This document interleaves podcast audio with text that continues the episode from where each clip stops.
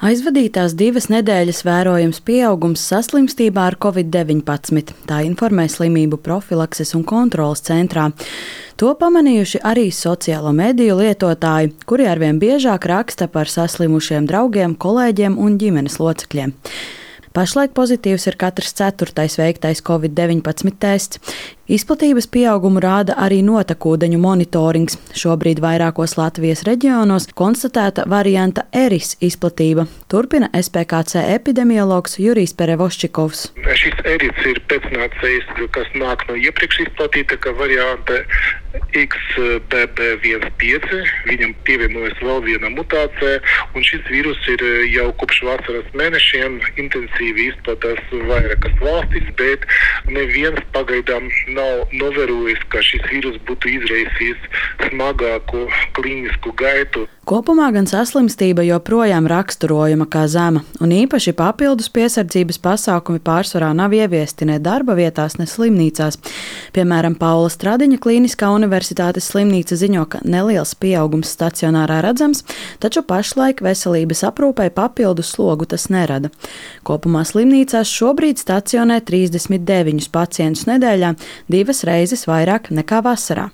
Arī pie ģimenes ārstiem šobrīd nāk vairāk pacientu ar elpceļu saslimšanām, taču ne visi atbildīgi veic testēšanos, tā skaidro ģimenes ārste Linda Reitzle. Tas ir tas, kas man ļoti satrauc, ka mēs esam psiholoģiski noguruši, mēs esam izdeguši par šiem gadiem. Mums vairs negribās nedzirdēt to covid, ne redzēt to covid. Ir daudz un dažādi visādi gājis grūti, bet nu, fakti ir fakti. Ja?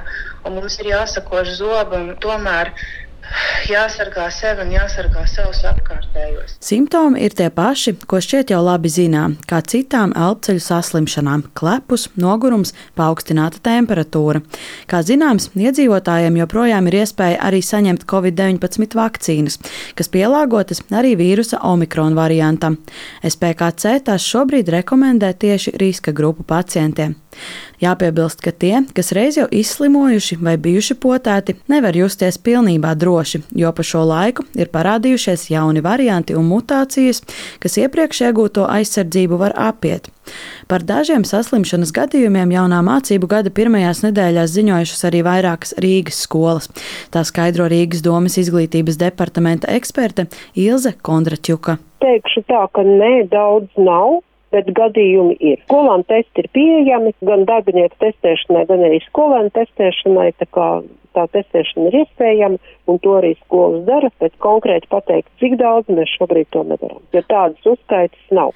Skolās joprojām notiek arī telpu veidināšana pēc noteikta algoritma. Kontraķuka ziņo, ka visaptverošu sistemātisku testēšanu šobrīd neplāno atsākt. Tomēr veselības nozarē atgādina, ka vislielākā nozīme šobrīd ir individuālai atbildībai, un, ja personai ir konstatēti saslimšanas simptomi, ieteicams uz skolu vai darbu nedoties. Paula Dēvica, Latvijas radio.